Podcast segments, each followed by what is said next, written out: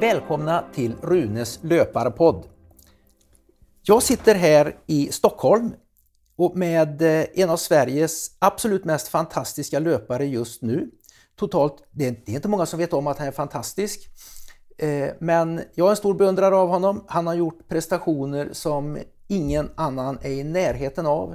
Och eh, den här podden kommer att handla om att en gammal löpare intervjuar en ännu äldre löpare och det är den ännu äldre löparen som är huvudpersonen i podden, eh, nämligen Björn Sunesson. Hej Björn! Hej hej Rune! Björn har vi konstaterat vad heter. Du bor alltså i? Jag bor i Birkastan i Stockholm, mitt i, mitt i smeten. Ja. Och hur gammal är du? Jag är 71 år. 71 år. Japp. Och din stora passion vad det gäller sport är? Ja, det är löpning och ensamlöpning. Eh, lite åt äventyrshållet men inga riskabla grejer egentligen tycker jag. Nej. Eh, ditt yrke? Jag har varit journalist under hela livet. Eh, på landsortstidningar i början och sen Tidningarnas Telegrambyrå och sen Svenska Dagbladet här i Stockholm. Ekonomireporter mm. har jag varit under de flesta åren. Och nu är du Pensionär ja. Pensionär? Japp. Sedan några år tillbaka? Ja, och, eh, ganska många. Nio, åtta, nio år. Oj, ja, du kunde ja. gå, ut, gå rätt tidigt. Ja, jag gick lite tidigare. Ja. ja det, är, det är lite avundsvärt. Och det absolut. Mm. Det var, eh, jag älskade mitt jobb va? men eh, pensionärslivet är bättre. Ja. Då ska jag börja med att berätta att det finns tre sorters eh, olika, olika sorters löpare. Du har sprinters, de springer egentligen upp till 400 meter räknar man som sprinter. Sen har du medeldistanslöpare, de springer sig 800 meter, 1500 meter, kanske till och med 3000 går upp på eh, medeldistans. Så har du långdistanslöpare, det är kanske från 3000 meter upp till ja, maraton kan man säga. Sen har man ultradistanslöpare, de springer längre än maraton. Men så finns också kontinentlöpare. Jag får ta på mig äran själv faktiskt att det var jag som myntade begreppet ja. kontinentlöpare. Det var det. Mm. Och det är de som korsar hela kontinenter från kust till kust löpandes. Eh, det är inte, väl, vi är inte många, eh, men Björn Sunesson är vad jag kallar för kontinentlöparnas konung. Och det är därför jag tycker det är så intressant att intervjua honom. För han har en löparhistoria som är helt unik. Ja Björn, vad sa du om den presentationen? Ja, den var ju smickrande. Eh, själv kallar jag mig väl inte kontinentlöpare och än mindre kontinentlöparnas konung. Men okej, okay, eh, jag köper den. Och I så fall, vem är den främste kontinentlöparen Ja, det beror på vad du lägger i främste, men jag är den som har gjort sprungit över Amerika om du tänker på det. Mm. Eh, flest gånger. Jag har gjort det sju gånger. Men det finns ju folk som har sprungit runt jorden till och med så att, eh, och tagit fler kontinenter än jag. Ja, dansken eh, Jesper Olsen är ju... Han, han har ju sprungit... Han klassar jag nog som den främste, ja. Ja, det var blygsamt. Men jag menar att det finns en annan dimension med dig. Och det är hur du har gjort dina kontinentlöpningar. Du har ju alltså sprungit helt utan support. Det är riktigt, ja. Du har inte haft en följebil och ingen som har stått var 50 kilometer hållit ut sportdryck åt dig? Och... Det är nästan riktigt, men eh, några av dessa sju löp så har jag haft under några veckor en följebil och det har varit min brorsa. Eh, egentligen kanske inte så mycket för att jag behövde honom alltså, utan mera att eh, göra något tillsammans med sin bror och eh, han tyckte det var roligt att komma till Amerika. Mm. Detta med att ha en eh, support där ute, upplevde du det som eh, positivt eller var det kanske till och med att det var en liten, liten stressfaktor i det hela? Eh, liten stressfaktor får jag nog säga. Eh, visst, det är ju naturligtvis en oerhörd hjälp när avstånden är väldigt långa. Men eh, plötsligt så har du någon annan att också eh, förhålla dig till och ta hänsyn till. Tider plötsligt alltså. Eh, från att egentligen kunna strunta i klockan delvis. Ja, så om man skulle ge något råd så att säga i största allmänhet sådär om, när, när du, om du funderar på att göra något liknande och springa en massa dagar och veckor och månader så försök att göra det ensam. Det blir enklare alltså. Ja, jag har uppfattat det också. Jag har ju tittat, eh, kollat lite på andra mm. som har sprungit över framförallt då USA ja. och de har haft support. Och jag har uppfattat det som att de som ska supporta i början säger ja men det är jättehäftigt, jag ja. får komma ut, jag ska, vi ska åka i husbil, jag ska sitta och läsa böcker medan jag väntar på dig och sådana saker. Eh, minns du eh, den första som försökte springa svensk? Erik eh, Bengtsson? Ja, absolut. Erik Bengtsson, författare. Jag tror han lever fortfarande. Han gav ju ut en bok om detta försök att springa tvärs över Amerika. California Here I Come heter den. Ja. Och ja, han hade då en följebilschaufför alltså. En okänd person. Han, och han fick, råkade ha oturen att få tag i en tokstolle. Oj. Som plötsligt hoppade av mitt under så han, Erik hade väl kommit en eh, knappt halvvägs. Och plötsligt stod utan följebilschaufför. Och, eh, och hade massa problem med detta och sen tvingades han av olika anledningar bryta också mm. när han kommit ungefär halvvägs. Mm. Men eh, han hade problem mm. med en chaufför. Jag, jag uppfattar också att han råkade ut för några så kallade rednecks Nej. som inte tyckte att det skulle vara roligt att någon sprang där, tyckte att han var en liten onyttig individ och han skulle åka på ett eh, pickup-flak då, de skulle köra honom till något motell och det... Ja, det vet, känner jag inte igen. Men uh, han hade ju uh, ett, ett helvete alltså, för när chauffören hoppade av. För plötsligt skulle han försöka hitta någon ersättare. Ja. Så han fick ju då liksom springa och göra reklam. Han sprang i smålopp och ställde upp och försökte få folk intresserade och, och köra hans bil. Och det slutade med att han själv fick köra den alltså på något mm. sätt. Och det var fullständigt hopplöst. Mm. Du gjorde ett försök att springa eh, men då sprang du med ryggsäck, men då var det från var det Chicago till... Ja, eh, det är riktigt. Alltså, ehm, det som föregick de här sju löpen då, det var, det var ett eh, löp 2005. Jag började med USA-löpen 2007. 2005 var det och ehm, du är delvis skuld till detta löp, Rune. Oj! Kan du gissa varför? Jag gjorde mitt första 2004. Det gjorde du. Eh, och eh, du, har ju varit, du är ju inspiration, inspiratören här va. Men jag pratade med dig och ja, du avrådde absolut inte från att jag skulle springa över Amerika. Men jag vågade inte alltså. Eh, så jag skulle göra något jag skulle, jag skulle så gärna vilja göra det, va? men jag vågade inte. Och då hittade jag på att jag gör ett kortare löp i Amerika, börjar med det i alla fall. Va? Chicago, New Orleans, norr till söder. 160 mil, ett tredjedels coast to coast. Eh, och eh, ja, det gick ju bra alltså, men eh, nu när man sitter och tittar tillbaka på alla de här löpen så var det här en tredjedel, 160 mil bara. Det var det absolut tuffaste av dem alla och det var just på grund av bland annat det här med ryggsäck. För jag hade ingen kärra utan jag hade en ryggsäck. Mm. Alltså. Och, eh, nu kom du här och skulle intervjua mig och kom med en stor ryggsäck men jag tror inte du springer med den så många mil. Nej, jag gjorde ju själv en, eh, en eh, ryggsäckslöpning 2000 tre, alltså året innan jag sprang i Amerika. Just det. Min, min, första mm. tanke var att springa med ryggsäck. Mm. Så jag tog tåget ner till Ystad och sprang hem till Trollhättan på Du har läst varenda rad du skrev. Du skrev en eh, i Runners Word om det Jajamän. där, berättade om det där. Och det var egentligen inspirationen också. Mm. Eh, men jag borde ha läst den lite noggrannare kanske, artikeln, för att, för att det, det är problem med ryggsäck. Ja. Och, och, jag tror att vi är rätt överens om att säga att spring inte mycket mer än en vecka med ryggsäck. Nej. Ryggen, alltså skinnet på ryggen mår inte bra. Mm. Och kan du gissa vad jag råkade ut för då? Nej. Var det skinnet på ryggen som tog stryk? Ja, det var det. Alltså det var ju, det är ju det är ju sydstater då eh, så att det är fuktigt också så att det är lätt att få skavsår. Mm. Men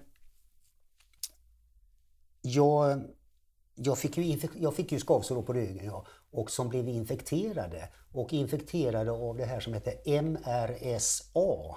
Alltså sjukhussjuka egentligen. Va? Milda makter. Eh, det konstateras ju sen efteråt. Va? Men jag kunde i alla fall fullfölja löpet. Men eh, jag fick en jädra böld. Alltså. Oj. Och eh, det tog ja, ett, två år, ett, två år alltså innan jag så att säga... Eh, jag hade inga problem med det alltså. Men innan jag var friskförklarad alltså. Och folk som har det, de är lite som... Jag sa aldrig någonting om det där. Men det är, de är lite som pestsmittade. Vet du. Ska du uppsöka sjukvården så ska du ta fram ett kort. Oj, oj, oj. oj, oj. Visa, och så ska de fram på med, med, med ansiktsskydd. Det, det smittar egentligen Det smittar inte, men, det, men eh, mun mot mun så att säga. Va? Men, men eh, man får vara försiktig tydligen. Ja, dra ner, dra in mm. de där bakterierna i en sjukvårdsinrättning där sår ja. läggs om och bukar skärs upp. Ja, det ja. kan jag förstå. Ja. Nej, men Bertil Järlåker kanske du hört talas om? Ja, Han var ju den första som seriöst sprang ultra i Sverige. Mm. Han gjorde en riktig långlöpning ifrån Helsingfors till Stockholm runt Bottniska viken Alltså det var inte längre ändå för jag trodde han till och med kanske... Det kanske är så. Jag ja, trodde han, han rent av sprang runt Östersjön alltså. Men det... Nej, inte, inte runt hela Östersjön. Men han jag tror till och med han sprang ett stycke in i Nordnorge om jag inte minns fel. Ja. Men han eh, fick ju också sådana här bölder som han fick, eh, fick helt enkelt skäras upp. Ja. Eh, för svett och belastning, det är inte bra. Nej. Men sen kom ju en fantastisk uppfinning som gynnat oss som springer över kontinenter. Absolut. På tre hjul, ja. Tre hjul. Mm. Nämligen? En, en löpvagn, en babyjogger. Ja. Det, har, eh, det är det mest fantastiskt roliga tillbehör en löpare kan köpa nästan. Absolut, och det, det tycker jag många fler. Det börjar ju bli lite vanligare alltså, mm. men eh, nästan förvånat att inte fler ja. har det. Nu är det så att eh, Babyjogger har ju, tror jag, slutat. Jag tror till och med de gått i konkurs. De gör ja. inte vagnarna längre. Nej, inte de. Det gör de eh, inte. Men det finns ju andra alternativ, till exempel som gör utmärkta vagnar. Undrar om inte Thule det är alldeles riktigt och eh, en... uppenbarligen eh, helt okej okay vagn. För att om du känner till en löpare som heter Pete Kostelnick. Ja eh, amerikan då som har hastighetsrekordet över att springa över Amerika. Ja, just det. Han eh, gjorde då härom året eh, sprang från tog diagonalen uppifrån eh, Alaska ja. ner till eh, Florida och sprang med en sån här Thulevagn. Ja. ja. Och det gick bra. Jag, jag, han, jag, jag, känner honom också. Alltså, ja. så han, han vill ha lite, lite smickrande, han vill ha lite råd av mig ja. då. Alltså, jag rekommenderar babyjogger men ja. det blev det inte så utan han tog en svensk Thule. Jag tror att Thule går lika bra som babyjogger faktiskt. Det tror jag, jag tror att Thulen är nog väldigt stryktålig också. Ja. Svenska grejer, Småland. Är det Anderstorp de gör? Jag vet inte, det är svenskt märke i alla fall. Men kanske gjord i Kina. Också. Ja, det vet jag inte om smålänningarna ska släppa iväg en sån grädde Kina, men man vet inte. Nej. nej, men de är bra. Ja. Bra grejer. Och, så att det finns alltså hopp om att få tag på riktigt bra vagnar. Ja, och även om det inte um, tillverkas nu vet du, så finns det så mycket på, på begagnat. Alltså. Ja. Och uh, folk... Jag köpte nu, eh, jag är nog inne på min sjätte babyjogger kanske. Sjätte, sjunde Va? kanske. Ja. Och fick, fick den stulen också för en månad sedan utanför gymmet här. Oj. Men äh, det finns att köpa på, på begagnatmarknaden. Och det som är kul med de där, när man köper en begagnad vagn, det är att folk fattar inte vilken enorm kvalitet det är i, i, i, i, i vagnen. Jag menar, jag har haft en vagn som har gått kanske, jag vet inte om jag har haft en, någon på tre gånger över Amerika, två i alla fall. Aha tusen mil och med mm. ja, 12 kilo packning. Ja. Min har ju Innan. gått eh, över Amerika, 500 mil. Ja, du lånar ju ut den också. Va? Och sen har jag lånat ut den till höger och vänster. Den har gått ett varv runt Vänern och den har gått Trollhättan Örebro och Men är det samma gamla vagn har? samma gamla vagn. Va? Den måste ju och- vara från 80-talet eller? Och, och Portugal eh, till eh, Trollhättan också. Så att, och den är i skick som ny. Det är ju maskinkullager, alltså när man Ja. tar in till cyklarna. Wow, vilka grejer! Maskinkullager på en sån här. De är helt imponerade. Ja. Eh, Så att, eh, Så att di- din har ju, måste ju ha rullat en eh, 2000 mil eller någonting kanske? ja, men den har rullat eh, åtminstone, jag tror den har 1500 mil har den Ja, rullat. ja. Och, Otroligt. och eh, sen har jag, min fru och jag, vi har vandrat med vagn. Så vi har gått alltså långpromenader. Ja, det är ju rätt kul för man kan ju ta sig fram i obanad terräng med en sån här vagn alltså nästan. Vi gick ju Spartathlon nu i våras, från Aten till Sparta. Jaha. Och jag kunde rulla babyjoggern över Sangaspasset. Nu har de ju gjort Sangaspasset mycket, mycket finare än det var på den tiden Ja. vi sprang. Det, då var det ju stenigt och eh, med, framförallt 1986 när det var en jordbävning samtidigt. Ja. Så att en massa lös sten där, det var nästan som man inte vågade ta sig över. Men eh, den har tål alltså hur mycket som helst. Men eh, Rune, jag ska inte sitta här och ge dig råd men eh, ska du ut på något liknande så köp en ny vagn. Det kan, det kan, bli, det kan bli något brott på den där alltså. Jag är, alltså jag är rädd för det, vet du, för att det, visst det är kvalitet va, men eh, det kan gå sönder. Kanske tar en Thule nästa gång. Jag måste prova Thule. Ja. Men nåväl, eh, ha- för de flesta jag känner eh, som har gjort såna här långlöpningar, till exempel Elisabeth Karlsson som sprang ifrån eh, Treriksröset och ner till Smygehuk. En babyjogger. Hon döpte sin vagn till Pim, jag vill jag minnas. Ja, och du, du hade Gudrun på din ja. Gudrun, en eh, tjejkompis, Marie Johansson, som gått, runt, gått från Treriksrösen och gick runt Sverige nästan med sin vagn. Eh, hennes kallar hon för Göran. Och eh, Men jag hade inga namn på mina. du har inga namn på dina? Nej. Eh, Gudrun, det låter som Good Run. Jo, Och Gud är med Rune. Gudrun med Rune ja. Det är, det är mm, alltså ett mycket, mycket givet namn för mig. Så, ja. Eh, så att, att det, den, det var som att, att vagnen hade en själ. Och Kristina Paltén då, en annan långlöpare som sprang genom Iran, ja, vad var det? Baby... Vad kallar hon det för? Baby Blues. Baby, baby Blue tror jag. Hon och, eh, och eh, Karina Borén, Mm. de sprang ju från Istanbul och upp eh, till Finland. Jo, jag och, följ, följde dem där, följt deras löp ganska noga. Ja. Och de hade, vi började ju prata lite grann om att vara ensam och på sådana här saker. Va? Och eh, ja, nu har de väl berättat det så att säga, men, men man fick, kunde läsa lite mellan raderna också att det är inte så lätt att vara två och göra en sån här grej. Nej, det är det inte. Man ska, ja, nu i och för sig, nu sprang jag ju från Portugal med Susanne Johansson. Mm. Och, Och det vet jag att du berättade, det var eh, ditt bästa löp av alla. det var mitt roligaste lopp. Ja, roligast ja. Eh, ja. kan du tänka dig, Susanne Johansson, vi kände inte varandra riktigt innan. Nej. Det var egentligen meningen att min fru skulle varit med också, men hon spräckte ju menisken inne i knät. Mm. Opererade ju den, så hon var inte rehabad. Hon kom ut när vi kom till Ardennerna sen, Mm. i Belgien. Men en, en sak ska jag säga som Susanne Johansson, att vi, vi sprang alltså ihop i tio veckor. Och vi inte vid ett tillfälle var jag irriterad på henne. Nej, det var fantastiskt. Vi synkade så himla bra. Men en grej som inte funkade, Mm. Vad var det? Som tänker? Var det något som inte funkade?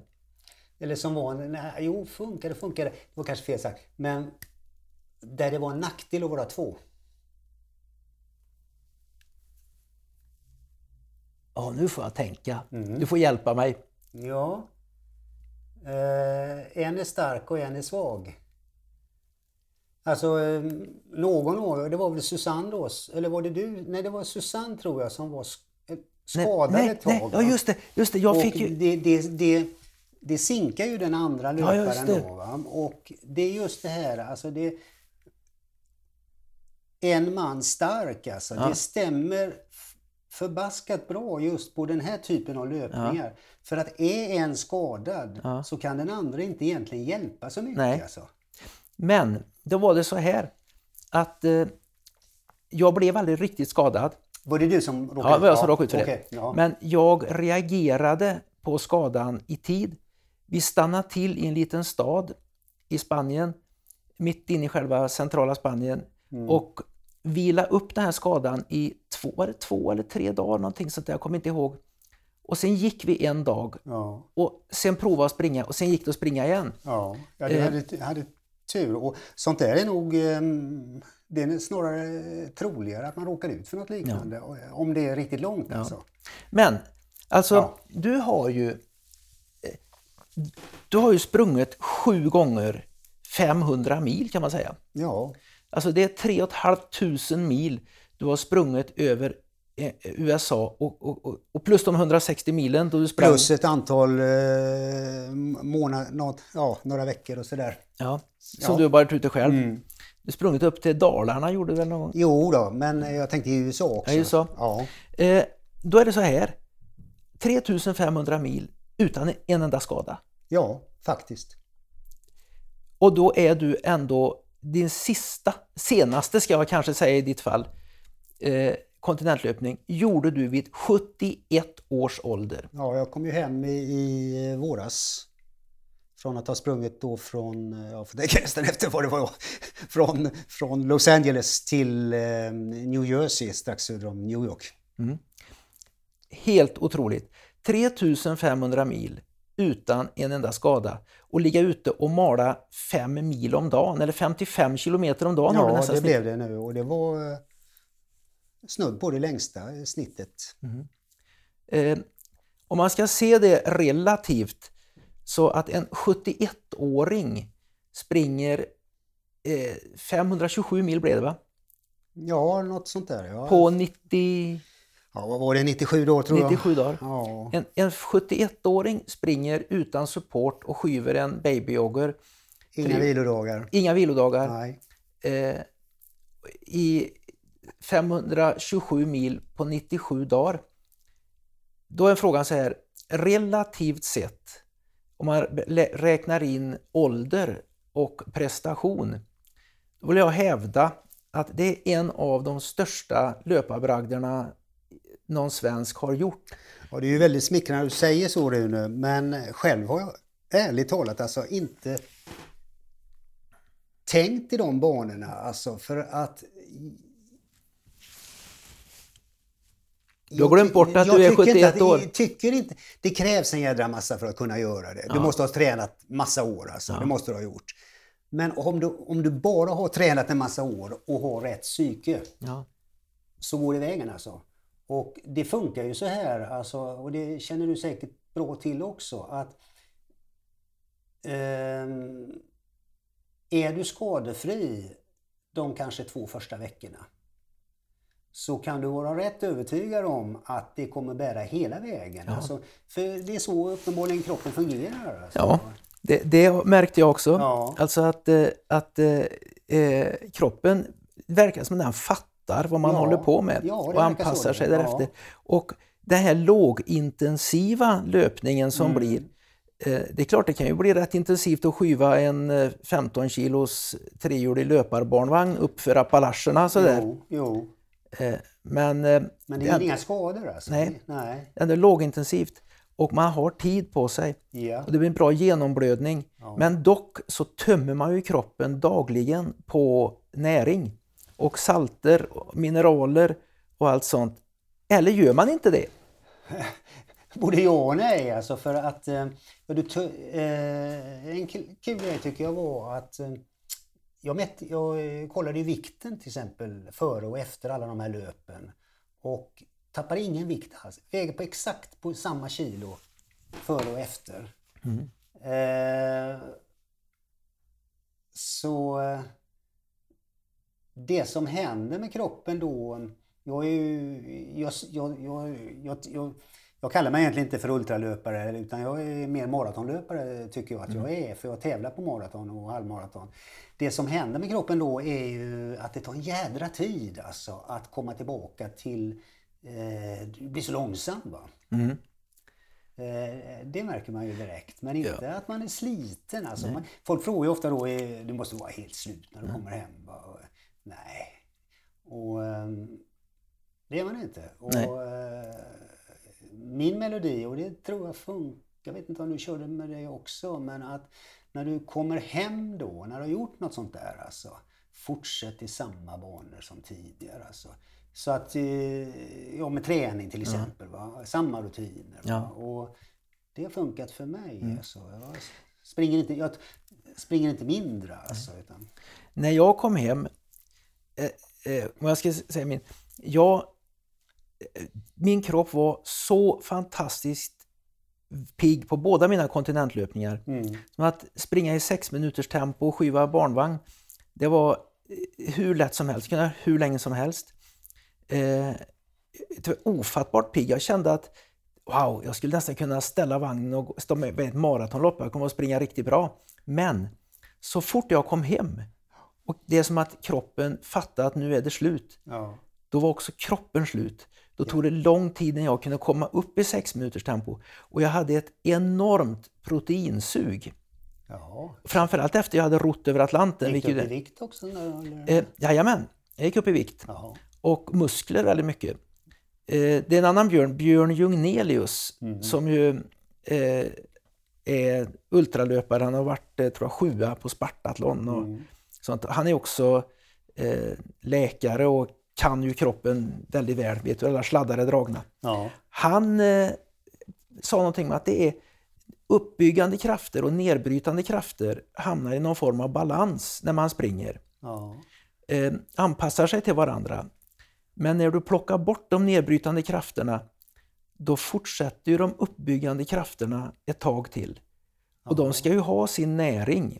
Och det är där proteinsuget kommer in. Ja, det fick jag aldrig, upplevde jag aldrig. Men jag, jag har ju alltid sprungit. Jag har legat på en eh, drygt 10 mil kanske ibland uppåt 15 per vecka och det fortsatte jag med då. Mm. Det var ju relativt mycket alltså. Ja. Och det kanske räddade mig. ja. Eh, ja, nu kan, jag hoppas att jag uppfattade Björn Jungnelius rätt. Där. Men ja. vad åt du när du var ute på dina...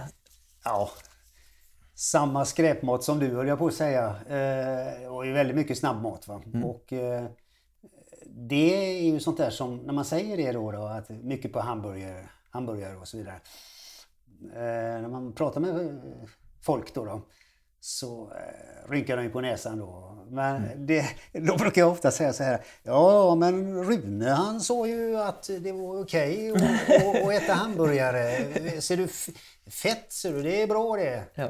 Och jag kan inte sånt här mm. men Bevisligen har hamburgare fungerat för både dig och mig. Det har det gjort ja. Alltså, och ja. vad är det som är skräpmat? Eh, vad är en hamburgare? Det är en skiva grillat eller stekt köttfärs som är inklämd mellan två brödbitar. Ja. Rätt eller fel? Rätt. Ja. Eh, I mitt hem, där var det i bästa fall om man nu åt något med kött i, så var det eh, köttbullar eller någon slags pannbiff man fick någon gång i veckan. Ja. Och så åt vi bröd. Eh, det, det var ju liksom, det, det har byggt denna kropp. Så, men jag hade ju ändå lite begränsningar sådär att, att eh, försöka max eh, ett hamburgermål varannan dag om det gick. Mm. Men det gick ofta inte heller. Så att, vad, jag, vad jag levde på efter, när jag kom in i Illinois efter att passerat... Eh, miss... Smörgåsar och ost vet Åh, jag. Gud, Men de himmelen. Eh, gillar du inte så mycket va? Nej, alltså, jag började med eh, sån här, vit, inte vitt, det var grovt, med mm. eh, färdigskivat bröd och så köpte jag ju Philadelphiaost och så färdigskivad vanlig ost, då, hårdost. Ja. Och det gick ju att äta rätt bra. Men när jag kom bort till Pennsylvania då försökte jag äta, jag var hungrig. Hungrig som en tandlös bäver. Jag har inte ätit på länge. Och, och skulle försöka äta det. Gick upp i en skog. Jag, jag, kan inte äta. Det är inga fel på det. Så att jag gick upp i skogen och liksom grävde, välte bort en sten och la ner osten och smörgåsarna och Philadelphiaosten. Nej, den la jag inte där.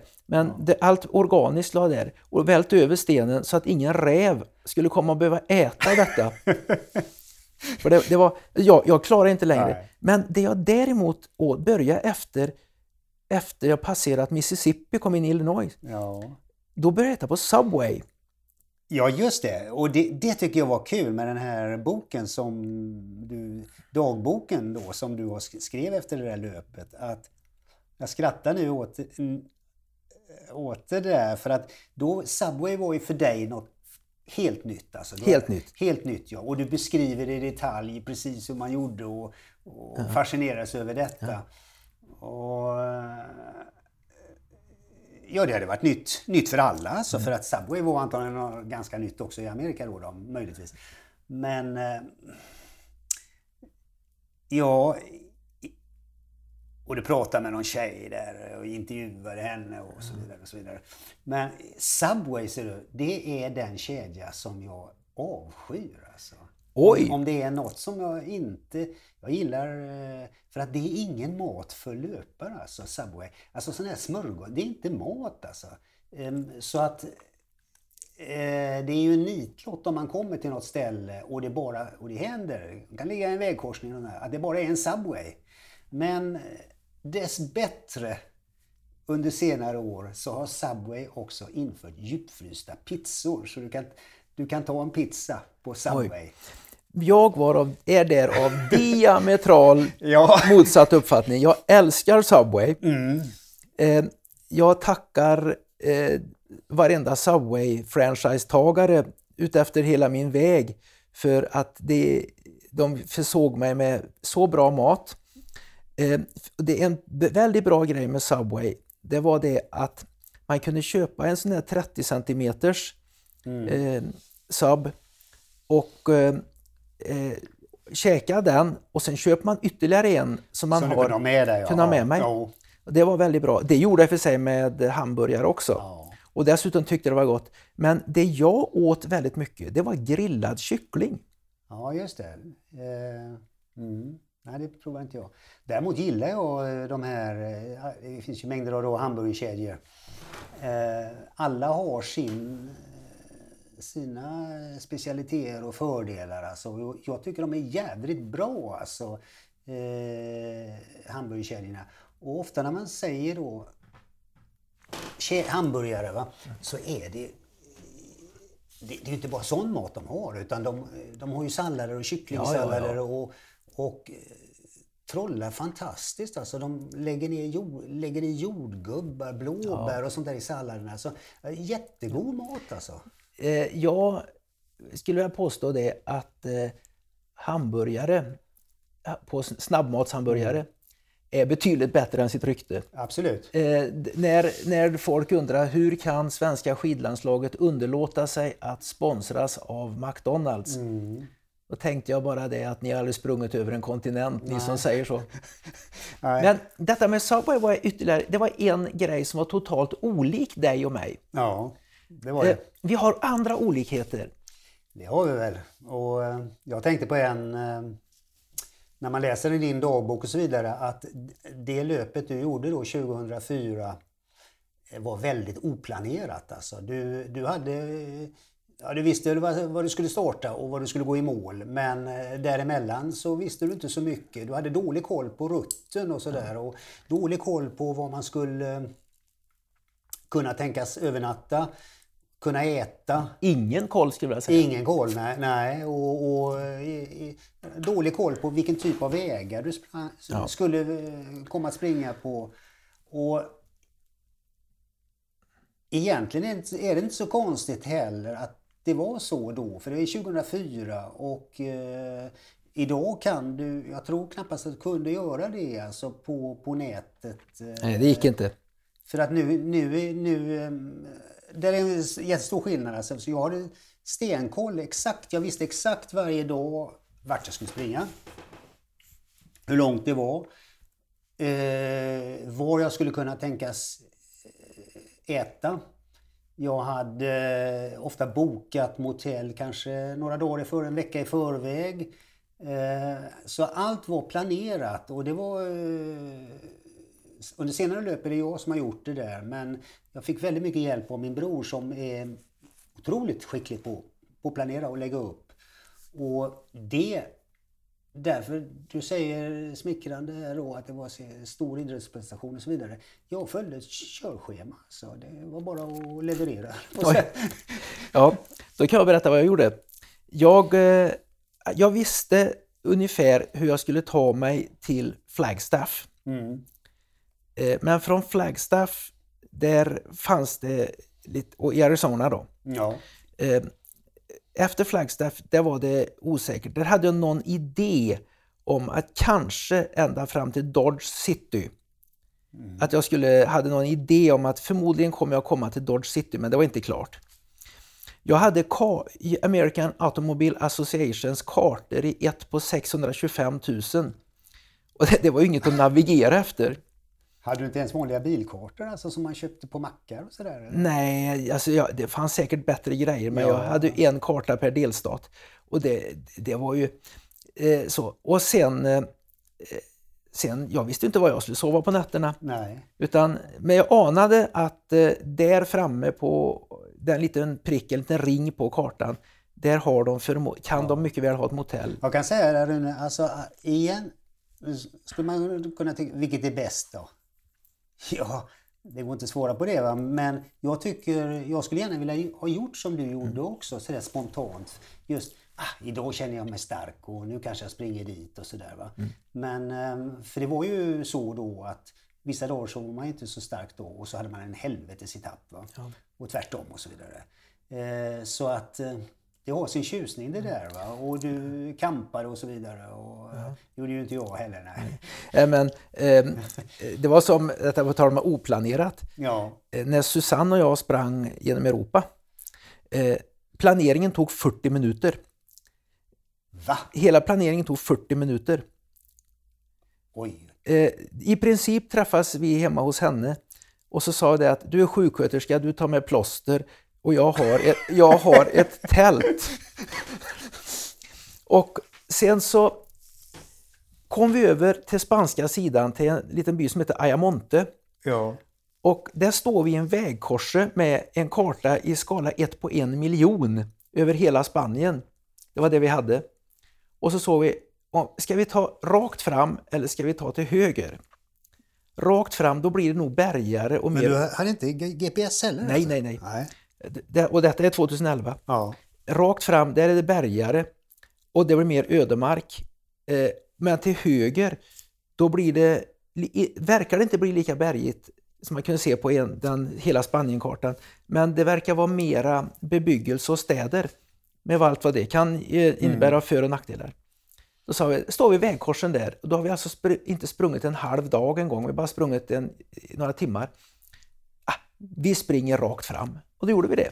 Men så när vi kom ner för Pyrenéerna på franska sidan, då la vi upp Europakartan. Och så vi att eh, vi kanske kommer rakt genom Paris. Ska vi springa väster om Paris eller öster om Paris? På ett café där, precis ja. i foten på franska sidan på Pyrenéerna. sitter en man där och säger Bonjour monsieur, do you, do you speak English? no. No.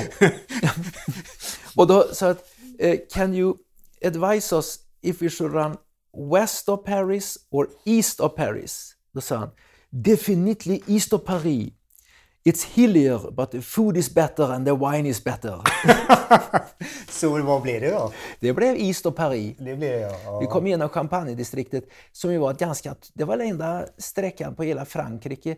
Både Spanien och Frankrike var underbara att springa alltså. Ja. Men Champagne-distriktet och distriktet mellan Champagne och Ardennerna, det var väl inte... Det var det enda stället jag tyckte att det inte var vackert och du vet, eh, det tog ju eh, tar en månad ungefär att planera. Jag säkert en månad. Oj. Och det är rätt fascinerande, alltså när du sitter då, du har, har väl antagligen erfarenhet själv nu då av, av Google Maps till Jajamän. Ja. Att när du sitter, det som är det svåra är ju, det som det hela går ut på. Du kan ju sätta från, en, från A till B och så ritar, ritar den upp då, en rutt. Va? Men det går ju inte. Men du ska ju försöka hålla dig ungefär kring, mm. kring, kring det strecket. Men det svåra är, det hela går ju ut på att hitta boende. Va? Eh, för mig i alla fall. Ja. Och de ska ligga då på 5-6 eh, mils lucka. Perfekt. Eh, och jag tror, vågar påstå att det är omöjligt att springa över Amerika var du än startar, hur du än drar rutten, Ja. Att eh, klara det. Ja, nej, det gör man inte. Det går inte. Nej. Eh, så, och då när man sitter där framför datorn. Va? Det tycker jag är märkligt att det blir så. Då, och går med den här gula gubben som jag säger och, och ser Ja. eh, hur det ser ut där i, i, en liten stad eller så. Ja, eh, kanske söker motell eller söker en matplats eller vad det nu kan vara. Men du blir alltså nästan fysiskt trött eh, när du sitter vid datorn. För du kan, ja, man, kan, man lever sig så in i det, man kan se det framför sig. Att här är oerhörda avstånd och här är ödsligt. Och helvete, här blir besvärligt. Ja. Jo, men när jag tittar på de här kartorna och då var det framförallt genom Kaliforniens öken från Brawley till Blight. 14,5 mil. Tänkte man, hur ska detta gå? Eh, 14,5 mil, ingenting. 14,5 mil ja. Eh, det hade ju gått att campa naturligtvis, men, men eh, jag körde allt på en gång, 14,5 mil. Då var det, när jag kommer in i... Sprang du så långt en Ja, dagsetapp? ja eh, det var dag och natt. När jag kommer in i, i Blight, då slår jag på, eh, går in på ett motell på morgonen faktiskt, går in på motell, slår på lokala nyheterna. Då sa de det att vi hade väd, värmerekord för april igår, det var då ute och sprungit. Det var 107 Fahrenheit och 6% luftfuktighet. Det kommer att bli lika varmt idag. Vi uppmanar alla att begränsa era utomhusaktiviteter till ett minimum. Ja. Men det måste ha varit en av dina, frånsett de här Spartathlon, dina tuffaste löpningar. Det var tufft, det var tufft Ja. alltså. På slutet där, jag sprang inte på slutet utan jag gick Jo, de sista men milen. ändå. Ja. Och 14,5 mil, det är Ja, otroligt. ja, på, så varmt det var. Du vet, jag var aldrig, jag var aldrig, jag var någon enstaka gång, jag kunde vara över 8 mil va. Men jag är ju Blåberg. Jag var uppe på nio mila etapper ibland och det var för att komma till ställen där man Ja. kunde få logi. Ja. Ja, det är tufft med såna här löpningar. Eh, Du körde, jag körde hellre mindre vägar och du körde större vägar antar jag? ja. Och riktigt stora vägar. Ma- Motorväg, vägren? Jajamensan. Alltså, mm, det heter ju Interstate då. Mm. Eh, Och eh, flera av de här löpen, alltså, eh, ja, säg 40% av sträckan har jag sprungit på motorväg. Oj, oj, oj. Oj. Och vad tycker du om det då? Eller vad tror du om det? Ja, Ja, du har väl du har sprungit motorväg men... Jo, jag fick springa mellan med Blight och Brenda Mm. i Arizona. Det var väl en tre mil. Och det hade jag ju tillstånd från eh, Arizona Department of Transportation att göra. Det kom ut poliser där och undrade vad sjutton jag höll på med. I have a permit, sa jag. Okej. Ja, Men, men sen sökte jag mig ut på så små vägar som möjligt. Jo. Framförallt på prärien är det ju ett rutnät av vägar i nord-sydlig riktning med en engelsk mil emellan, så knappt två bilar kan mötas på. ja. Där ute sprang jag. Jordvägar också då? Ja, det var asfalt faktiskt. Alltså var det det? Ja. Men det finns ju ett ännu finmaskigare nästan nät med ja, jordvägar också. Ja, det finns det. Ja. Ja, de hittade jag inte. Men där sprang jag och det var där jag upplevde Amerika. Det var där bönder stoppade mig. Quite a rig you got there mister. Och så började vi Ja, snacka. det, det där alltså är ju likheter och olikheter. Där är en klar alltså olikhet mellan dig och mig. Va? För att du, du tjusades av de där små vägarna. Va? Jag, eh, jag är en låt jäkel alltså. Det ska vara eh, medvind och eh, breda vägrenar och bra motell och så vidare.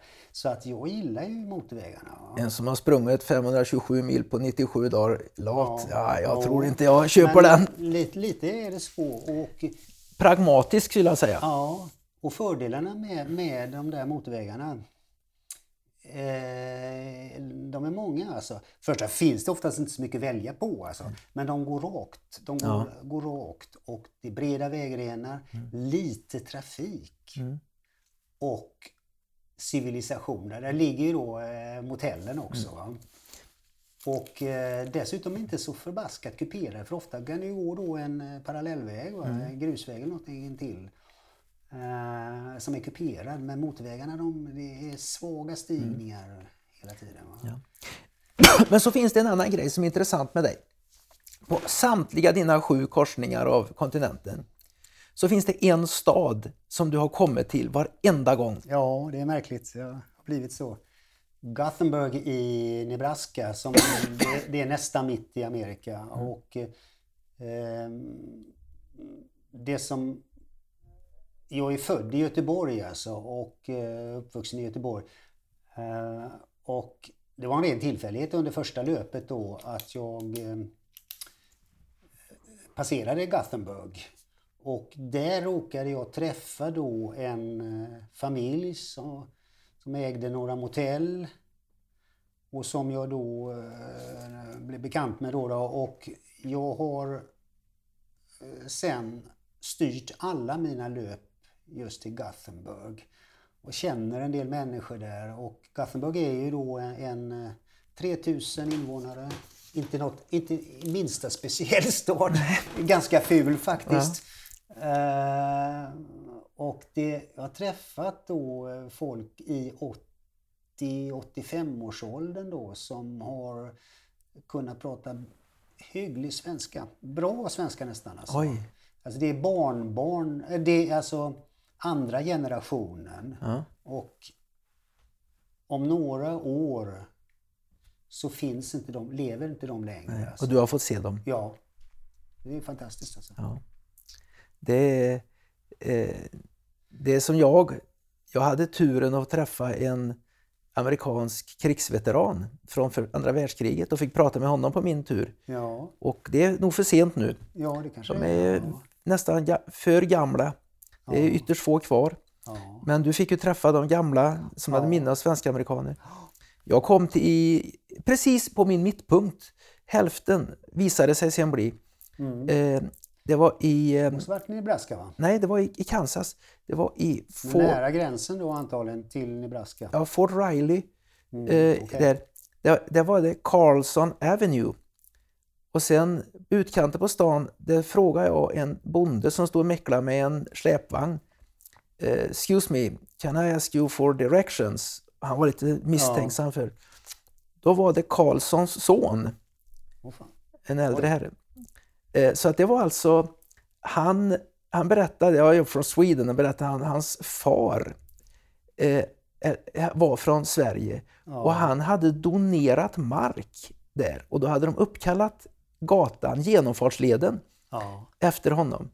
Hade du någon eh, sån här eh, flaggsym, eh, Nej. svensk flagg? Nej, där? ingenting. Nej. ingenting. Det Jag- hade, hade jag vet du, och det tror jag kan vara, ha, ha, varit, har varit en fördel lite grann faktiskt. Det tror jag säkert också. Ja. Eh, Men jag hade inte bara svensk, jag hade amerikansk också. Ja. Du, en grej här, rätt intressant. Jag har ju sett bilder, jag följde dig noga. ja. Du rakar dig. ja. Det gjorde jag med. Men Varför? inte under första. Eh, under, eh, när jag sprang till New Orleans, då, då hade jag ett litet fånskägg. Mm. Ja. För Första gången provade se. Ja. Ja. Nej, jag gjorde en grej att jag rakade mig varannan dag. ja, det gjorde nog jag också. Anledningen till det är att man blir bemött på ett annat sätt Ja. om man kommer välrakad Absolut. än om man kommer och ser ut som eh, Forrest Gump Ja. efter han, när han höll på som mest. Långt spretigt hår och skägg Ja. och ser ut som en belastning för deras lilla by. Men kommer det en välrakad person, blir man, jag tror man blir bemött på ett lite mindre misstänksamt sätt. Nu kommer du in nästan på mitt älsklingsämne. Poliser. Nej. Ja, nej. Utan hur man blir bemött. Ja, För man kan ju undra då varför så jävla många gånger Amerika? Jag kunde ju springa i Europa då. då. ja, Och det handlar, jag förstår mer och mer alltså, det handlar om hur du blir bemött i Amerika. okej. För att det finns, jag har aldrig stött på någon mer eh, liksom entusiastisk bland allmänheten alltså. Eh, du får alltid ett vänligt ord alltså. Jag måste säga det att jag, säg under ett sånt där löp, du träffar, pratar med en fem personer, kanske fem, sex, sådär längs vägen. Varje Var- dag. varje dag då. då. Ja. Eh, det blir eh, över 500 Ja. per löp då. Ja. Och, ja, tusentals personer alltså. Ja. Och jag har inte fått ett enda ovänligt ord. Inte ett enda taskig grej alltså. Eh, ja, kanske en dag eller Ja. så. Eh, och däremot då en jädra massa alltså, uppmuntran. God bless you och Ja, så vidare. väldigt mycket. Bara vänligheter och folk sticker ju till ändå eh, sedlar, vatten, mat. Mm, Ja. det blir nästan ett problem alltså. Och, och jag har fått säga nej alltså Mm. till sånt där. Men samtidigt, de där vänliga orden, det är ta mig tusan, det är inte skitsnack. Nej, nej, de menar det. De menar det. Ja, ja. Och God bless you. Alltså, när jag får höra något sånt så tänker jag hela dagen Mm. Ja. på detta. Alltså. Där var, mötte jag en, en vänlig människa som ville mig väl och hoppades att det skulle gå bra. Och ju mer, efter varje här lopp, ju mer och mer har de här människorna alltså längs vägen blivit viktiga. viktiga. Eh, Jag, jag hade ju framförallt intressanta upplevelser av indianer, för jag sprang igenom ett antal indianreservat. Jag vet inte om du också gjorde det? Jag gjorde det, eller försökte, och bli stoppad och så vidare. Ja. Du menar det? Mm, mm. Jag sprang ju igenom i norra Arizona, först genom Hopi. Och de var väldigt tystlåtna. Mm. Sen kom jag in i Navajo som var det största indianreservatet. Ja. Och vilka indianer alltså! Mm. Det var inte de där som eh, red ut och skulle skjuta pilbåge på mig direkt. Nej. Utan Oh, what are you doing? Oh, great man! Do you need, do you need water? Do you need money? Do you have enough money to, to, to, to make you... Ja, ofta är det ju de, de, de som har, har det sämst som erbjuder det. Jo, och sen en intressant grej. Jag var inne i en Navajo-affär. Ja. Stor yta, glest mellan hyllorna och tänkte att det vara gott med en öl. Frågade om jag kunde få köpa en öl. Nej, sa de. Vi har absolut alkoholförbud i... Men tobak skulle de ha, va? Kanske. För att det är ofta sådana här, indianer har ofta sådana här, lever lite grann på att sälja billiga cigaretter och. Det gjorde inte, inte vad jag vet, in, inte. Men då, då, de sa att vi har alkoholförbud. Alkohol är dåligt för oss, sa han. Mm. Och vi har inga kasinon. För kasinon är också dåligt för människor, sa han. Ja. Vi klarar oss ändå. Titta här, vi bor billigt Mm. och vi bor vackert. Vi behöver inte mer, men vi behöver jag, inte alkohol. säga, jag har sett så, jag har sprungit i indianreservat eh, och sett så jädra mycket elände. Alltså, eh, just med, med fy- fylla, alltså Mm. vägkors, eller sådana här eh, avåkningar av vägen då i rattfylla och eh, omkomna. Eh, och det är ju jättelika problem de har med alkohol alltså. Mm. Men inte Navajo. Men Nej. då kom jag in i, precis kommer det här Four Corners där uppe vid, Mm. där de fyra staterna träffas. Då kom jag in i Colorado och i Ute-indianernas reservat. Mm. Och det var nerskräpat. De körde ju med plogging, vet du, de här eh, Navajo. Ja, det var ju ja. soprent från skräp. Ja. Där, de satte ju upp skyltar. This mile, responsible for cleaning this mile is family, this och this. Va? Ja. Men i Ute, det låg krossade glasflaskor. Och, och, och när man kom in och skulle handla något i Ute, det var nästan var det ovänligt bemött. Ja. Och, Nej. och fylla och elände. Men det kan man se bara hur fantastiskt de har klarat sig i Navajo på att inte dricka alkohol. Ja. Det är de som gör det också där naturligtvis, men Nej, jag hade inte så mycket kontakt med, med in, eh, indianer eller eh, natives som de heter, Ja. kallas för så. Ja. Ja. Eh, Men erfarenheten var ju det, alltså egentligen ju fattigare desto generösare. Alltså. Ja. eh, det, ute i bibelbältet, Ja. det var också väldigt intressant. Eh, Gick du på någon gudstjänst då? ja då, Ja. Jag ska uppleva USA. Men det var väl, jag gick i en katolsk kyrka. Min fru, och min, min fru och mina barn är Det är katoliker. ganska likt kanske. Då, va? Och då var det en söndag. Eh, och jag gick i, det var också i Kansas. Och eh, de skulle precis gå in. Jag tänkte, skjutsingen, här kan jag uppleva någonting. Mm. Så jag käkade en macka. Det visste jag inte, man ska ju inte äta innan man går in i en kyrka. Man skulle liksom gå för nästan fastande, var det någon som sa. Jaha, det har jag. Eh, Nej, jag borde veta att det. Och på med mina fjällrävenbyxor eh, och på med en, en icke svettig t-shirt. Jag går in och sätter mig längst bak. Och då sjöng de den här eh, salmen God bless America Mm. from sea to shining sea. Det var så att det knottrade sig på kroppen. Ja. From sea to shining sea. Det var ju det jag höll på med. Ja, ja. Eh, och så var det barndop och grejer. Men jag försökte prata med folk där. Men ingen ville prata med mig. Och det var lite synd. ja, det har jag inte alls de erfarenheterna. Eller eh, alla pratar med mig alltså. Det gjorde de. Ja. Ja. Och jag tror ändå vi är rätt lika till sättet också. Men alltså i Amerika ska du inte vara någon gå på Nej. på det sättet. Nej. Utan du ska vara artig och Artig. li- lite tillbakahållen. Sådär, va? Och folk öppnar sig alltså. Ja. Ja, Jag har en fantastiskt positiv bild av amerikanerna. Ja. I, eh, vi, vi tittar ju på TV och där amerikanen på TV, han jobbar ju på ett kontor i New York ganska högt upp i byggnaden. Mm. Ofta är jurist eller någon affärsman och såna här saker och har lite problem med relationer och det, det är typiskt amerikanskt. Mm. Men den typiska amerikanen för mig, efter det här, det är en bonde. ja. För så mycket jordbruk. Det är, det är bönder alltså där ute. Vanligt hårt arbetande bönder. Jag är ju gammal journalist och sådär så att jag har gjort liksom lite, kan man säga, små minireportage just, just om vanliga bönder alltså. Där ute. Ja. Ja, jag är imponerad. Poliser pratar vi om. Poliser. Ja. Där har vi en gemensam... ja, det är väl inte våra fans va? Eller vi gillar inte dem nej. Eh, Jag älskar poliser i Sverige. Ja. Jag skulle kunna tänka mig att jag försökte uppmana min yngste son att bli polis för att det är ett hedervärt Mm. yrke. Men i USA är jag inte riktigt lika förtjust i poliserna. Nej, samma här. Det var ganska intressant. Ja, ehm, det är ju någon, jag upplever det som en fastsättarmentalitet. Ja. Alltså att de ska försöka, ja, här kommer någon eh, udda figur, va? hur ska vi kunna stoppa honom och få dit honom på något sätt? Alltså. Och, ehm, under, jag har ju blivit stoppad så många, många gånger. Jag brukar bli par polis, kanske säg två polisstoppningar i varje delstat. Det gör Oj. ju då 20 polisingripanden då. Eh, Var det värre efter, öster om Mississippi? nej, jag har märkt in, ja, Colorado är den värsta. Jag kommer aldrig sätta min fot i Colorado. Oj, Nej, det var hemskt alltså. oj. Ja.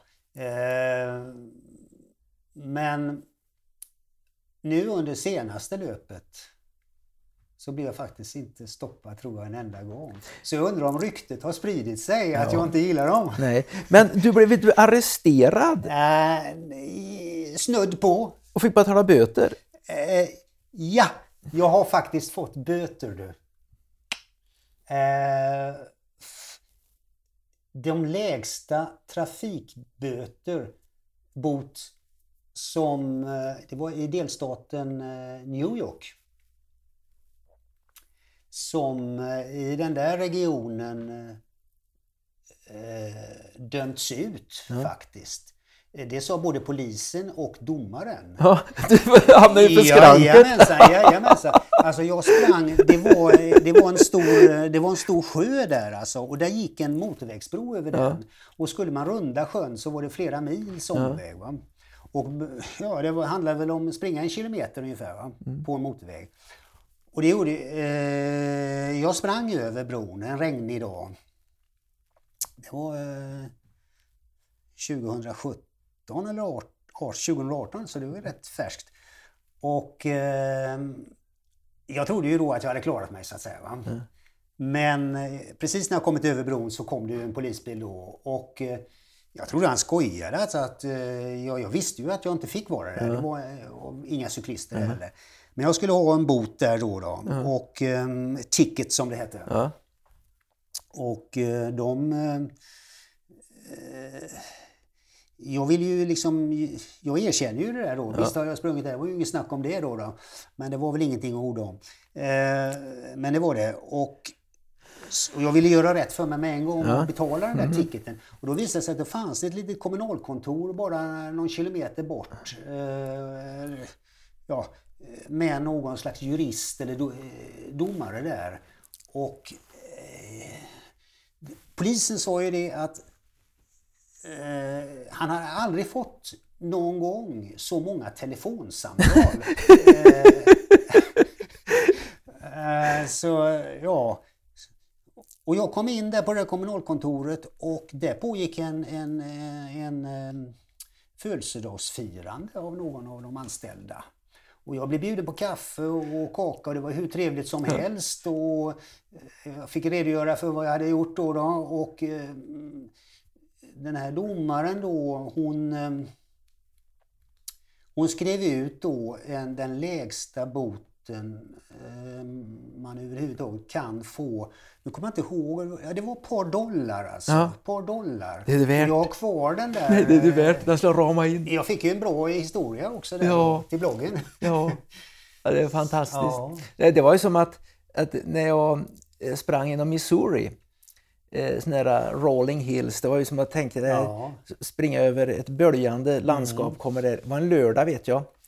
Eh, och eh, jag tycker var så fantastiskt jättebred vägren, nästan ingen trafik. Och så kommer det en civil bil och går in rakt framför mig och mm. blockar vägrenen. Och så sa han då som så många andra sa, quite a rig you got there. Mm. Och så sa han, eh, ja, kan du åka på den? Nej, så du ser ju klena hjul det, så det kan ju inte åka på den. Det är ju, det har min utrustning. Du menar alltså att du, du kan inte cykla på den, inte åka? Nej. Då visade det sig att det var sheriffen i staden Trenton i Missouri. Mm. Han hade fått telefonsamtal att det är en idiot som cyklar trehjuling på fel ja. sida vägen. Det känns igen det där. Vet du. Det, det, det är ofta, all, nästan alla de här ingripandena är alltså att no, någon har ringt polisen och eh, ofta handlar det om att det är någon som har kidnappat ett barn och springer. Ja, ja. springer va? Så polisen måste ju då rycka ut, eh, det verkar så, och kolla vad det är. Alltså. Mm. Ja, det... Eh, men en gång var det, var det alltså riktigt, var det riktigt hotfullt. Det var, du talar om civil bil här alltså.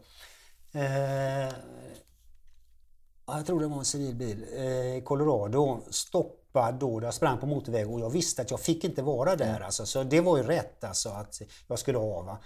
Men eh, jag sa då till den där polisen att ja, jag har sprungit på eh, Interstate här nu eh, genom flera delstater och kan jag inte få bara fortsätta lite grann till nästa avfart mm. eller några avfarter så, mm. så vinner jag mycket på det.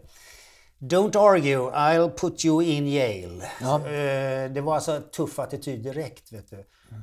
Och det är inget roligt att höra. Nej.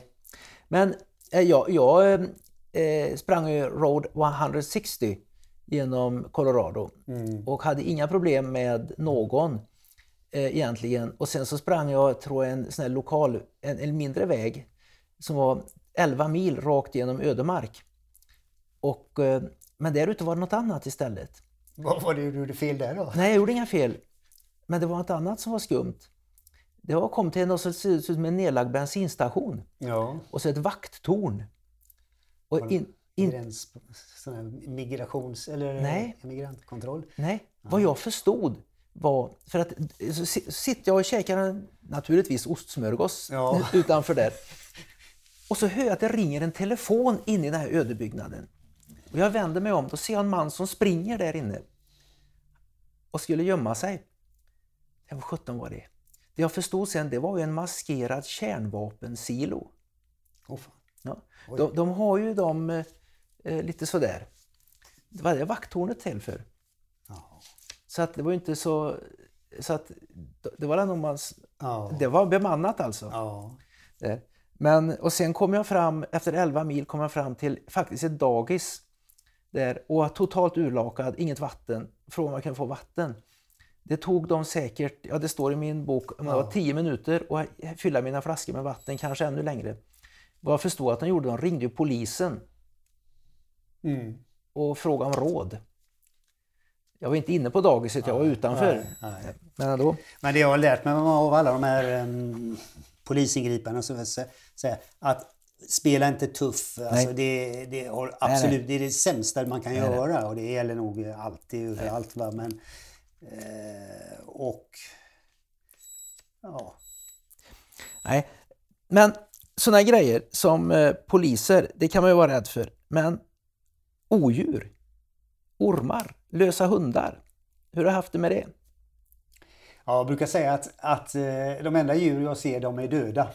Jo, men det är ju väldigt mycket roadkill. De plockar ju inte bort stora, nej, stora nej, hjortar nej. På, på en 300 kilo. Får ju ligga och ruttna i ja. diket. Eh, jag har sett väldigt lite vilda djur. Däremot vet jag att vi har något gemensamt. Alltså, det råkar man nog ut för nästan varje gång. Det är såna här eh, hundar som, som gör en sällskap. Mm. Och det är förbaskat trevligt.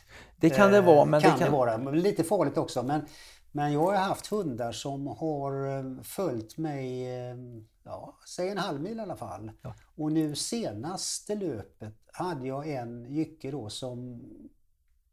Ja, han, skulle, han, han skulle kunna följt mig hela vägen till New Jersey. Alltså. Ja, det tror jag. Eh, så att jag fick, när jag kom fram till någon liten eh, samhälle där så fick någon annan ta hand om ja. hunden. Alltså.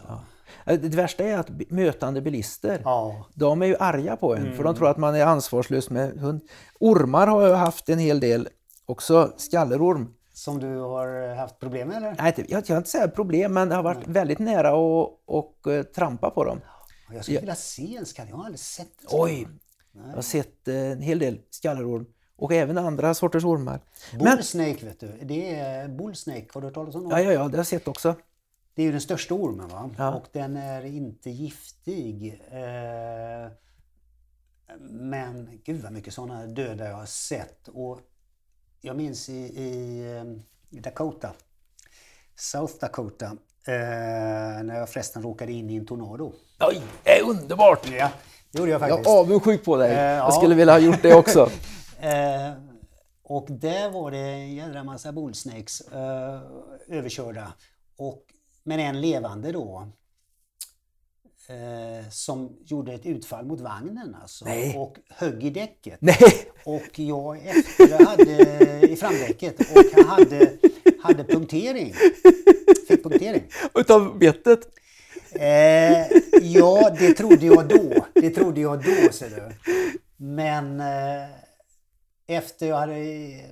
Ja, tornadon är ju en, en, egen liten historia va. Men när jag kollade sen, när jag kom fram till ja. hotellet, så var det ju en sån där eh, liten ståltråd. Ja, från explod... Så det var inte ormen. Alltså. Explod... Men jag, trodde, jag trodde ju hela tiden att det var ormen. Alltså. Ja. Exploderat, regumerat däck. Ja, så var det. Men tornadon, det, det är ju underbart. Det... Ja, alltså... Det var i South Dakota och eh, jag gjorde ju misstaget att, att inte ha lyssnat på väderrapporten. För det, ska man göra, det ska man göra varje dag man sticker ja. ut. Va? Det gjorde jag då jag var på ja, hotell. det ska man göra. Och det var ju en, uh, ute på landsbygden, solig fin dag. Vet du. Och så började det då och uh, blåsa lite, kom lite, lite regn och så tilltog både regn och blåst. Sen kom det hagel då. Och eh, sen blåste det så mycket då så att eh, jag nätt och jämnt när jag höll mig i vagnen kunde stå upp. Oj, oj, oj. Och jag hade bara, bara ben men jag hade fått på mig en vindoveralljacka. Och haglet gjorde ju vansinnigt ont. Va? Så jag fick ju då, det var andra gången jag råkade ut för hagel, va? men jag eh, fick ju då hålla händerna över över huvudet. Va? Och jag var fullständigt hjälplös. Eh, och en rätt enslig väg och det kom, kom någon bil som passerade. Sen kom det en bil, ja! Den stannade. Ja. Och då visade det sig, det var ju sådana här tornadospanare som ah. åker runt och som söker tornado ah. för att fotografera och så vidare. Va? Och eh, jag fick då ehm, komma in i den där bilen. Ja. Och räddad kan man väl säga då, då för att sen efter fem minuter så var jag var ju alltså inte i tornadons öga nej, nej. eller vad det heter. Alltså, det var jag inte för då hade man inte kunnat stå kvar. Nej, nej, nej. Eh, men eh, den tog några människor, någon strök med ja. i den där tornadon. Ja. Och jag tycker det var rätt fantastiskt för att de två männen där, alltså en tog en bild ja. På mig när jag står alltså med händerna och skyddar mig mot eh, ah. hagel. Så jag har en bild där. Nej, du fått den bilden? Ja, den har fått.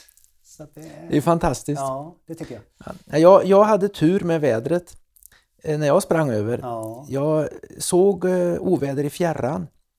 Eh, Men inga problem. Jag var förföljd av tur på hela min Ja. kontinentlöpning och det var även när jag sprang ifrån Frankrike. Eller fra, fra, fra, från Portugal. Och där, det var ju också tur med vädret. Ja, alltså, eh, I USA är det, det, det, det, det här öppna landskapet gör ju, det är så dramatiskt. Ja. Så att när det regnar där så regnar det ju...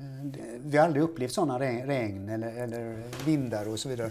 Så att vädret, det, det, det tycker jag är, är, är ja, möjligtvis efter trafiken det farligaste du kan råka ut för. Ja.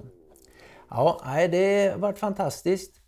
Eh, då man frågar sig så här, du är journalist, alltså en skrivkunnig man. Ja. Du har enorma upplevelser. Mm. Eh, du är pensionär Ja, och ha tid.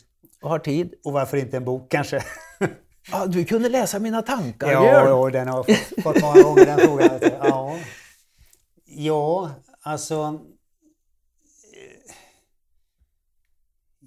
Jag är lite rädd. Alltså, visst, jag kan göra reportage och skriva, berätta om eh, ditten och datten. Eh, men att skriva en bok, alltså... Jag är rädd för att jag helt enkelt inte klarar hantverket. Att det, jag vill inte att det ska bli någon liksom, liten flopp och sådär. Utan det jag däremot har funderat på är väl i så fall det är att mera skriva en handbok om att så här springer du över en kontinent. Va? Ja. Men den, den läsekretsen den är ju ganska smal som du förstår. Ja, men eh, eh, en handbok i äventyrslöpning Ja, och eh, tillsammans med någon som äventyrslöper i fjäll och att en antologi kan man säga nästan. ja Eller jag, med flera författare. Äventyrslöpning över kontinent, äventyrslöpning eh, eh, eh, kan säga, genom fjällkedjor, bergskedjor och sånt. Då täcker man in rätt mycket. Då kan man göra det, ja. Men eh, jag tror inte att den boken kommer att skrivas. Men däremot så, jag, har jag har ju en, en, en löparblogg då va, som är då när jag springer. Är, är väldigt, väldigt välbesökt. Jag har enormt mycket läsare. Och det blir ju lite av eh, Alltså jag skriver aldrig, jag skriver inte så här berätta vad som har hänt under dagen speciellt kanske, utan att jag tog mig från A till B, utan lite mera om, om eh, små, små reportage kanske, Ja. om, om, någon person eller Ja. Mm. företeelser. Så är det här och hur är det hemma och så vidare. Både lätt och rätt eh, Ja. djuplodande. Va? Det tycker jag räcker. Jo, men din blogg, Ja. Sparas den för eftervärlden? Sparas den annat än digitalt i så fall? Eh, den sparas nog eh, inte direkt för efter. Jag har inte tänkt på det där utan den kan ju kanske försvinna då. då men Den får inte försvinna. Nej. Det är ett historiskt dokument. tack. Eh, där, därför att, det var därför jag skrev min dagbok, Mm. mina äventyr. När jag rodde över Atlanten, då pratade jag in på en diktafon och sen färskt i minnet spelade jag upp vad jag hade pratat in. Det gick nämligen inte att hålla i en penna där ute för man, händerna var så krumma av att hålla i åror. Ja. Och sen eh, eh, skrev jag ner och det blev min dagbok från Atlantrodden, dag för dag. Och det är ett dokument och jag, fick, jag, jag har den i tryck då. Alltså, ja, kanske skulle tänka lite på det. Absolut. Eh, Alltså mera säkra det här så att det inte förs- försvinner. Alltså. Ja. Jag har skrivit Ja. om, äh, den, den har ju du, min dagbok. Mm. Eh, det låt, jag, jag kallar den nästan på skämt en kontinentlöpares dagbok. Det låter som en inkontinentlöpares dagbok. Eh, den har jag skrivit dag för dag. Eh, tyvärr la jag inte in några bilder, men det jag funderar på att göra i en version 2. Ja. Eh, och löpturen genom Europa. Jag har ju läst din bok också. Ja. Jo, men det, den gjorde jag ju ett kompendium som, den finns ju bara som kompendium, min, hela min story va, oredigerat. Sen är det ju Susanne och jag skrev i våran bok ett lö, Löparäventyret Ja. på småvägen genom Europa. Eh, det är ju hennes och min, den finns och det är ett dokument. Men min eh, oredigerad, den är mitt dokument och där är det med bilder också, svartvitt och tryckt. Eh, ma, alltså, vi fattar inte idag att vi har sett ett land, ett landskap i för, som kommer att förändras och vi är pionjärer, både du och jag. Det var någon som har sprungit över USA. Edward Payson Weston Mm. Han var ju också ungefär lika gammal som du är nu när han gick tvärs över USA på jo. början på 1900-talet tror jag, över 100 år sedan. Och eh, sen som har sprungit över, det är inte många som har sprungit över Amerika. Eh, men Nej, det, det... Amerika förändras och löpningen förändras. Vad tänkte en kontinentlöpare på i början på 2000-talet? Ja, vad upplevde han? Vad såg han av Amerika? Hur såg han eh, jordbruket, byarna, städerna, människorna? Ja, och det är... Ehm, ja, det är väldigt mycket läsare också då amerikanska läsare alltså, för att de är rätt intresserade, de är, eller inte rätt, de är väldigt intresserade av vad vi tycker om, om, om ja. dem och deras land. Ja. Eh, så är det. Den enda negativa upplevelsen jag hade av amerikaner på min löpning det var näst sista dagen. Mm. På kvällen kom jag in mot, eh, det, träffade jag en så kallad African American. Ja. Som frågade mig, vad tycker du om Amerika? Jag sa det, jag älskar Amerika, sa jag. Jag har haft en fantastisk upplevelse ända från San Diego där jag startade. Och sa han, hur kan du säga att du älskar Amerika? Vet du inte vad de gjorde med mitt folk? De förslavade mitt folk i, i några hundra år, sa han. Att, eh, jo. jo men, så att, att eh, Visst, ja, en, en, sak är, en, en sak är att älska mm, den vanliga amerikanen, hur, ja. hur, hur, hur, man är. Alltså, och en sak eh, vad de har gjort. Och det, det, sådant kan man ju naturligtvis inte försvara. Ja, det, det, är ju, det var ju då alltså över 150 år sedan slaveriet upphörde. Ja. Och sen var det ju naturligtvis inte mänsk, eh, human rights riktigt fullt ut förrän jag kan säga slutet på 60-talet att det mm. började likna något. Så att, att det må han väl ha rätt i. Men eh, jag tog, tog mig friheten att fortsätta att älska Amerika. För det är ett land som har gett mig oerhört mycket. Eh, och amerikanska soldater har offrat sitt blod för att hålla demokrati i Europa till exempel. Ja. har många, många unga? Alltså jag, jag älskar, eh, tycker om den, den vanliga amerikanen men jag tycker inte massa saker som jag ogillar. Alltså, ja, det är klart att det är. Massa, massa saker. Ja. Eh, Poliserna det, det, Ja, men det behöver man ju inte precis eh, nej. skriva dem på näsan nej, när man är nej, där. Alltså. Nej, nej, jag tycker om Amerika. Jag är, skyldig, jag är skyldig Amerika mycket. Jag har ju fått en gratis utbildning i San Diego idag, ja. akademisk examen. Min fru från USA, mina barn är både svenska och amerikanska medborgare. Jag har mängder med, jag har bara positivt att säga om, ja. om eh, ett land som gett mig en gratis utbildning, bara att jag som motprestation sprang för dem. Väldigt öppna också. Mm. Alltså att de, eh, det som man märker nu under senare år det är ju hur öppna de är med vad de tycker i politiska frågor. Ja. De, de, får diskutera politik. Ja, det får de. Och det tycker jag är bra, alltså man gör. Och jag behöver, inte, jag behöver inte säga något förrän jag förstår att det här är en Trump-supporter. Och det, det, det smyger man inte med alltså. Nej, jag råkar säga det att, eh, på Facebook att om, om Trump lyckas få till fred mellan Nordkorea och Sydkorea, då borde han vara kandidat för Nobels fredspris. Ja. Och det skulle jag inte sagt. jag blev det, är total... annan, det är väl någon annan president som har fått fredspriset Eh, Obama fick Obama han fick fredspriset, men varför vet jag inte. Nej, han hade bara varit... Han har startat flera krig.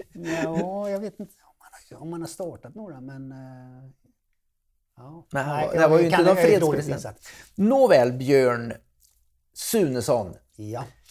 Ett sista här. Nu får vi dra, börja eh, wrap it up som de säger i mm. Amerika. Råd till kontinentlöpare, vad skulle du ge dem? Om någon vill ge sig ut och äventyrslöpa, det behöver inte vara att de springer över hela kontinenter, det är att de kan springa till exempel ifrån, ifrån eh, Jönköping till Kalmar eller vad som helst. Ja. Eh, då är, tycker jag, eh, det viktigaste rådet, du ska göra det för dig själv, för din egen del, för att du tycker det är roligt. Mm. Inte för att vara märkvärdig. Och och ska du göra det liksom med buller och bång och vara märkvärdig, då är risken också stor att det blir fiasko. Ja, det håller jag och, helt med om. Och ska du alla, eh, många duktiga motionärer Jag började med till exempel riktigt långt löp i Stockholm-Göteborg. Har du hållit på, har du sprungit eh, fem år i alla fall och någorlunda hyfsat mycket, så klarar man det. Ja. Men däremot så är det låter lite stöddigt kanske, men jag träffar så många ultralöpare som tror att de är superduper och eh, klarar att springa över Amerika eller, ja. eller vad det nu är. Och då eh, är jag inte alls så säker på att de klarar, för rent fysiskt, inte ens fysiskt, alltså för att eh, de kan springa 100 miles och allt vad det heter, va? men att hålla på och gnata hela tiden, eh, det kräver lång träning. Ja. Men... Ehm, och det kräver, kräver naturligtvis också speciellt psyke. Men alltså gör det för dig själv, inte för att vara märkvärdig. Och du sprang inte för något cause? Nej. frågar, What's your cause? Alltså, vad samlar du in pengar till? Vilket, Ja. vilket syfte har din löpning? Ja, och jag hade inga sponsorer, det hade inte du heller. Nej. Eh, Varken du eller jag hade ett cause. Så jag brukar säga ibland, nej jag är en dålig människa, jag springer bara för mig själv. ja, ja.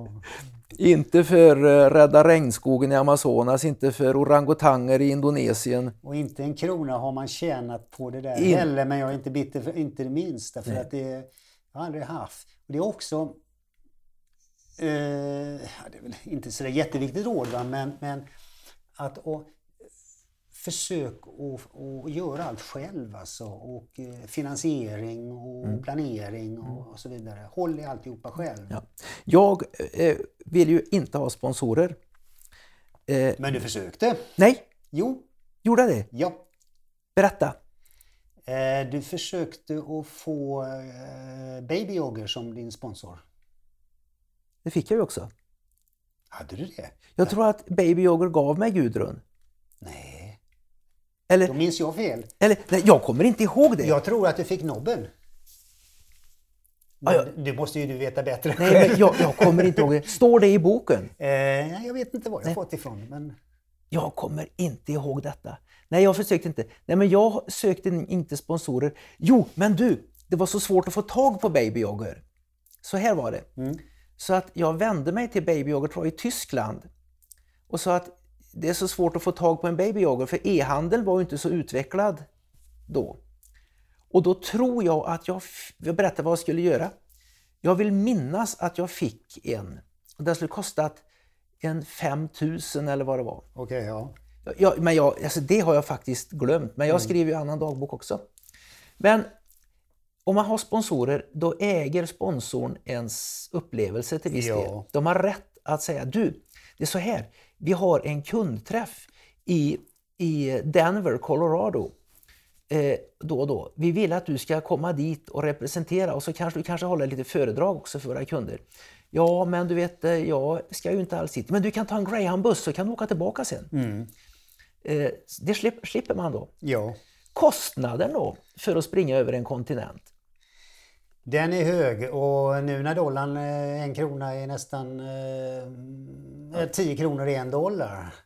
Så eh, ja, jag räk, räknar med, jag har aldrig räknat så där i detalj men 150 000 tror jag nog det kan gå på. oj, oj. Jag tror jag räknar på det att med allt mat, boende, resa, utrustning så tror jag kom på 60 000. Ja, Men att springa ifrån Portugal till Sverige när Susanna gjorde det. Eh, vi gjorde så att vi satte in 30 000 kronor var på ett gemensamt bankkonto. Och vi hade pengar kvar. Vi hade 12 000 kronor kvar var. ja, det var ju ett smart sätt att lösa det. Ja. Ja. Alltså, varenda Coca-Cola vi drack, varenda matbit vi åt och inget tjafs. Du åt dyrare än jag. ja.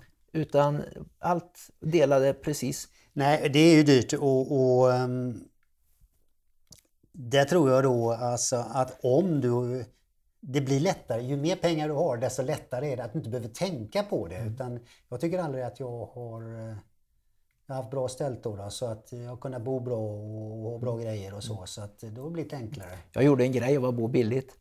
Jag, jag kollade ju på skyltarna på motellen. Om de sa Color TV, Phones. Då var det alltså attraktioner i mitten på 60-talet. Va? Ja. Och då tänkte jag, här är det billigt. De finns kvar de där skyltarna fortfarande. Ja, det är underbart. Ja, ja. Nåväl, det börjar bli eh, nästan dra mot slutet. Vi har suttit länge här ja. och tjötat. Tjötat, ja. Du, eh, bara det sista nu då. Alla frågar ju alltid mig samma fråga. Jag ska säga, har du några nya projekt på gång? Eh, ja, jag funderar lite på det och eh,